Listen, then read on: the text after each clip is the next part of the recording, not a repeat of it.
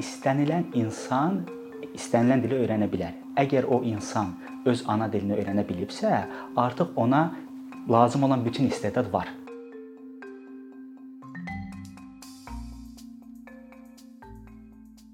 Məktəb vaxtı mən özümü inandırmışdım ki, mən heç vaxt dilləri öyrənə bilməyəcəm. Çünki nədənsə insanlara iki qrupa ayrıldım. İstedadlı və istedadsız insanlar.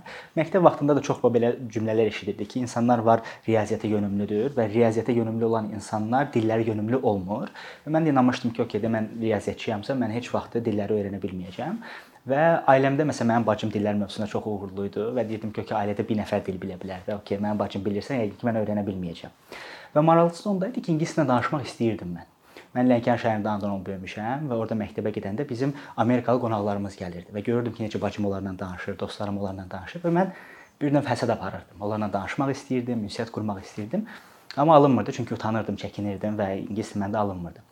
Və maraqlısı da bundadır ki, baxmayaraq ki, hər gün öyrənməyə çalışırdım, sözlər əzbərləyirdim, qrammatik öyrənirdim falan, amma alınmırdı. Sözlər yadımdan çıxırdı, qrammatika çətin gəlirdi mənə.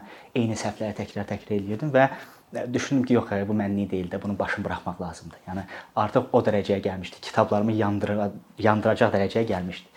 Nəysə uzun sözün qısası məktəb bitir, gedirəm Türkiyəyə təhsilimi davam etmək üçün ə, Türkiyəyə yollanıram.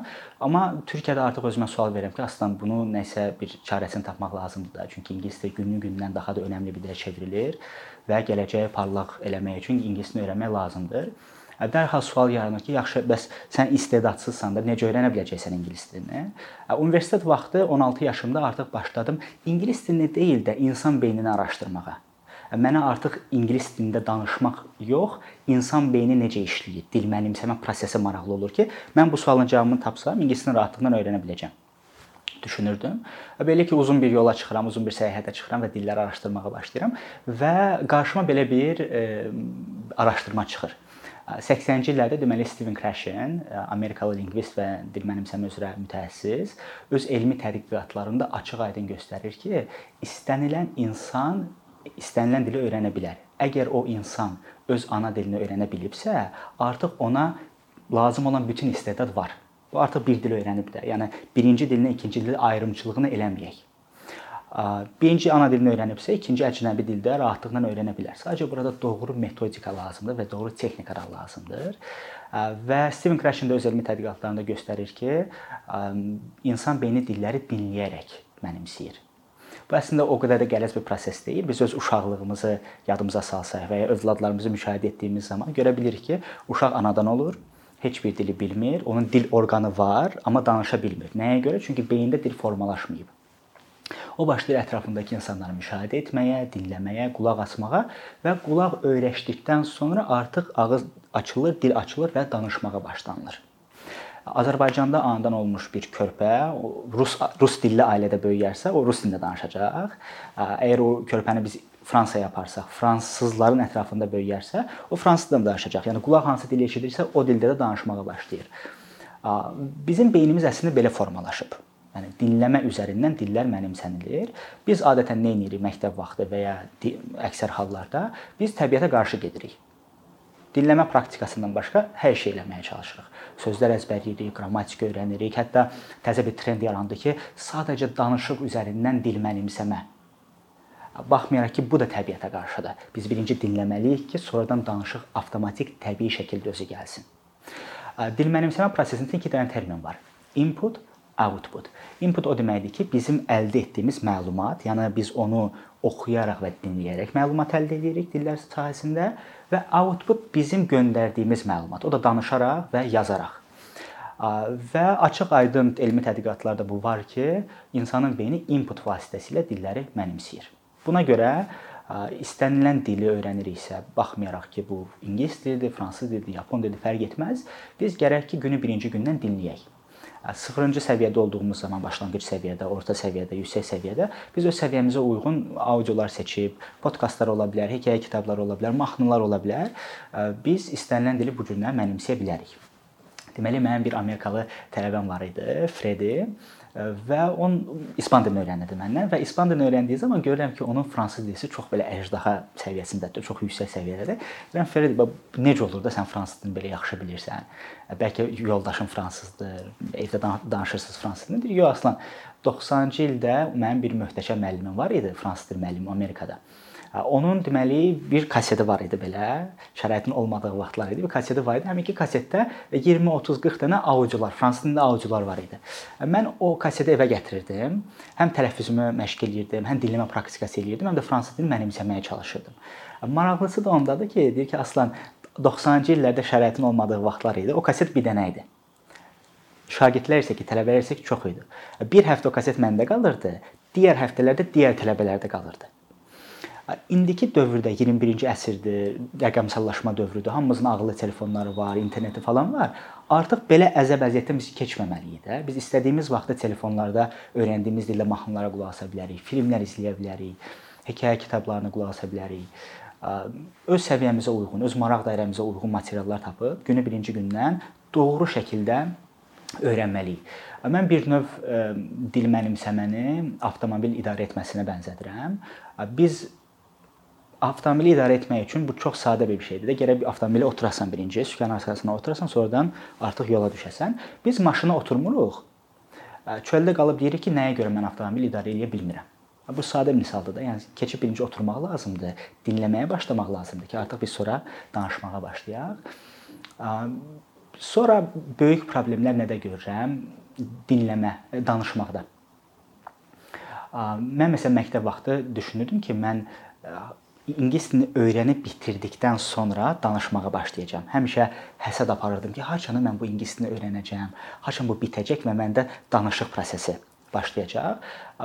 Dil mənimsəmə sahəsində daha çox təcrübə qazandıqdan sonra, daha çox araşdırma etdikdən sonra bir şeyin fərqinə vardım ki, əslində biz günü birinci gündən danışmalıyıq.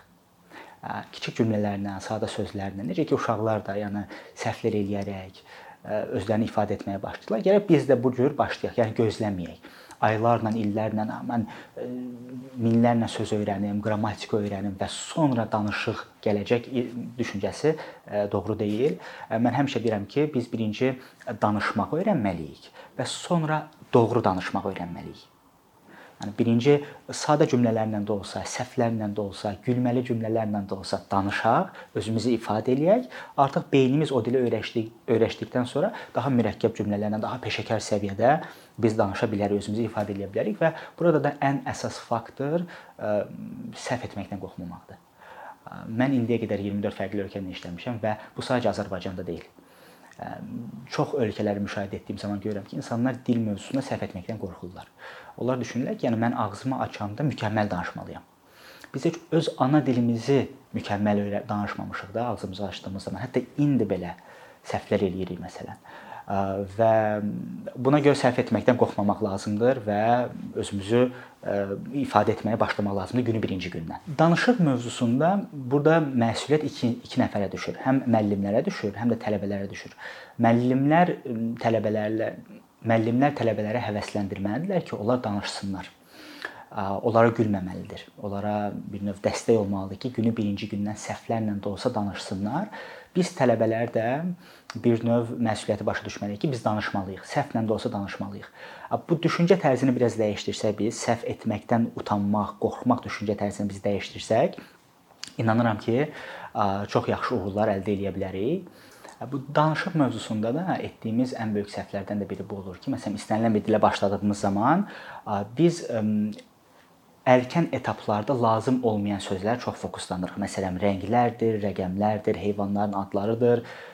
İndi indi başlayıb məsələn bir tələbə fransız dilini öyrənməyə və dərhal başlayır bütün heyvanların adlarını öyrənməyə, hansı ki, bunları istifadə etməyəcək.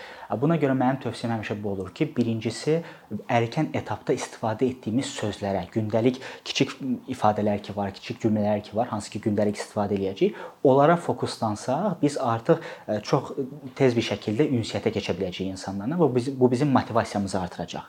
Mənim təcrübəm onu göstərir ki, araşdırmam onu göstərir ki, yəni 50 dənə, 100 dənə doğru seçilmiş sözləri biz bilsək, artıq insanlarla ünsiyyətə başlaya bilərik. Bu 50-100 sözü də öyrənmək çox qəliz bir proses deyil də. Yəni bu bir neçə gün, bir neçə həftəmizi alır. Onları öyrənib doğru şəkildə istifadə etməyi bacarsaq, artıq günü birinci gündən insanlarla ünsiyyətə keçə bilərik və bizim beləliklə motivasiyamız artacaq. Və dil mənimsəmə prosesində çox önəmli bir faktor var.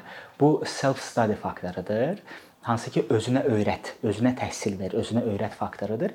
Deməli 2013-cü ildə dünyanın ilk poliglotlar konfransı baş tutmuşdu və mənim həmin vaxt dillərə qarşı çox böyük həvəsim var idi və poliglot olmaq yolundaydım mən də və çox düşünmədən çamadanımı hazırlamışdım, biletimi alıb Budapeştə getmişdim. Macarıstan Budapeşt şəhərinə və bir növ poliglotları müşahidə edərək, yəni illərdir artıq yüzlərlə poliglotları müşahidə edirəm. Görürəm ki, poliglotları qeyri-poliglotlardan ayıran məhz bu faktordur, self study. Poliglotlar dilləri o qədər sevirlər ki, onlar bu dilləri bir layihə olaraq görürlər. Onlar öz məsuliyyətləri kimi görürlər bunu və heç bir müəllimin üzərini buraxmaq istəmirlər. Sadəcə özləri öyrənirlər və müəllim faktoru vacib dil mövzusunda vacibdir. Müəllimlər bizi motivə eləyə bilər, qrammatikanı sadə dildə izah eləyə bilər bizə, bizi danışdıra bilər məsələn, bizə lazım olan materialları hazırlayıb təqdim edə bilər bizə, hansı ki bu oxuma, dinləmə praktikasıdır. Çünki insan beyni dilləri dinləyərək və oxuyaraq mənimsəyir. Amma evə gedib oxumaq, dinləmək sırf bizdən asılıdır. Yəni dillər kurslara və ya müəllim yanına həftədə 2-3 dəfə gedərək mənimsənilmir də. Yəni bu dillər dərslərlə paralel etdiyimiz praktikalar sayəsində mənimsənilir. Bunu anlamaq lazımdır, qəbul etmək lazımdır. Bu məsuliyyəti tələbələr öz üzərinə götürməlidir və müəllimlər də əlbəttə ki, bu mövzuda tələbələrə çox dəstək olmalıdırlar. Mən tez-tez sual verirlər ki, aslan 9 dildə danışmaq necədir? Bu mümkündürmü həqiqətən 9 dil öyrənmək və sənin neçə yaşın var? 28 yaşın var. Necə bu 28 ilə sığdırmısan bunları? Amma əslində dil mövzusunda belə bir şey var ki, çətini birinci dildir birinci dili öyrəndikdən sonra, beynimiz o dili öyrəşdikdən sonra, yəni əcnəbi dili öyrəşdikdən sonra artıq ikinci dil, üçüncü dil e, öyrənmək asanlaşır. Mənə sual verəndə ki, sənin üçün ən çətin dil hansı olub? Həmişə deyirəm ki, ingilis dili. Baxmayaraq ki, ingilis dili asan bir dildir. Yəni çox da qəliz bir dil deyil. Yəni ingilis dili ilə alman dilini müqayisə etdiyimiz zaman ingilis dili alman dilindən daha asan daha asandır və fransız dili ilə müqayisə etdiyimiz zaman daha asandır. Amma mənim üçün çox çətin olub çünki birincisi mənim beynim əcnəbi dilə öyrəşməyimə vaxtı. Bu bir. İkinci də ki, ingilis dilini öyrəndiyim zaman səhvli səhv metodikalar çox istifadə etmişəm. Elə fokuslanmışam qrammatikaya, elə fokuslanmışam söz əzbərləməyə. Qrammatikanın söz əzbərləmənin faydasız olduğunu demirəm. Əlbəttə ki, bu lazımdır. Amma bu işin sadəcə 20-30%-dir də. Yəni 20-30% buna fokuslanıb dərhal praktikaya keçmək lazımdır və öyrəndiyimiz hər dil bizim bir növ daha da asanlaşır. Sual verəndə ki, aslan bəs ən asan dil hansı olub sənin üçün? Məsələn mən deyirəm ki, italyan dili. Baxmayaraq ki, italyan dili o qədər də asan dil deyil. Mən italyan dilini sıfırdan başlayıb 20 günə danışıq səviyyəsinə gəlib çıxmışam mükəmməl səviyyə yox, danışıq səviyyəsinə gəlib çıxmışam. O da nəyə görə? Çünki italyan dili mənim 8-ci dilim idi. Artıq mən bir neçə dil öyrənmişdim. Beynim dil mənimsəmə prosesinə çox öyrəşmişdi və mən italyan dilini öyrəndiyim zaman artıq yüksək səviyyədə ingilis dilini, fransız dilini və ispan dilini bilirdim. Bu dilləri bildiyimə görə artıq italyan dili öyrənmək mənim üçün daha da sadələşmişdi və asanlaşmışdı. Buna görə dil öyrənmək istəyənlər, poliglot olmaq istəyənlər, çox dil danışmaq istəyənlər, istəyən insanlar özlərini qorxutmasınlar. Yəni birinci dili öyrəndikdən sonra ikinci daha asan gələcək, o birisi daha asan gələcək və daha da asan gələcək. Son olaraq onu demək istəyərdim ki, ingilis dili ümumiyyətlə indiki dövrdə çox vacibli bir vasitədir, çox vacibli bir mövzudur ingilis dilini mütləq şəkildə yüksək səviyyəyə çıxartmaq lazımdır. Şəxsi inkişafımızda, peşəkar inkişafımızda bizə çox dəstək olur ingilis dili. Amma mən deyərdim ki, faydalı, faydasız dil yoxdur. Əgər bizi izləyənlər məsələn onların fransız dilinə, ispan dilinə, polyak dilinə, yapon dilinə həvəsi varsa, mütləq şəkildə başlasınlar. İstənilən dil bizim həyatımızı çox müsbətə doğru dəyişir. Həyatımızı zənginləşdirir, iç dünyamızı zənginləşdirir yeni mədəniyyəti kəşf eləyirik, yeni düşüncə tərzi öyrənirik və bizi bir növ yaxşı tərəfdən dəyişməyə dəyişir. Sıfırdan başladığımız zaman mütləq şəkildə dinləmək lazımdır. bizə maraqlı olan, bizə uyğun olan materialları seçib birinci gündən dinləməyə keçid eləmək lazımdır və danışıqdan çəkinməmək lazımdır, danışmaq lazımdır və daha çox özünə öyrət metodikası, self study-yə fokuslanmaq lazımdır. Əkinçinin yeni videoları haqqında məlumatlı olmaq üçün kanalımıza abunə olmağı və xəbərdarlıq funksiyasını aktivləşdirməyi unutmayın. İmkandan istifadə edərək cari patronlarımıza işlərimizi davam etməyə yardım olduqları üçün dərin təşəkkürümüzü bildiririk. Əkinçinin Patreon icmasının üzvü olaraq siz bizim təşəbbüsə dəstək göstərməklə bərabər hazırladığımız materialları hər kəsdən öncə izləmə imkanı əldə edəcəksiniz.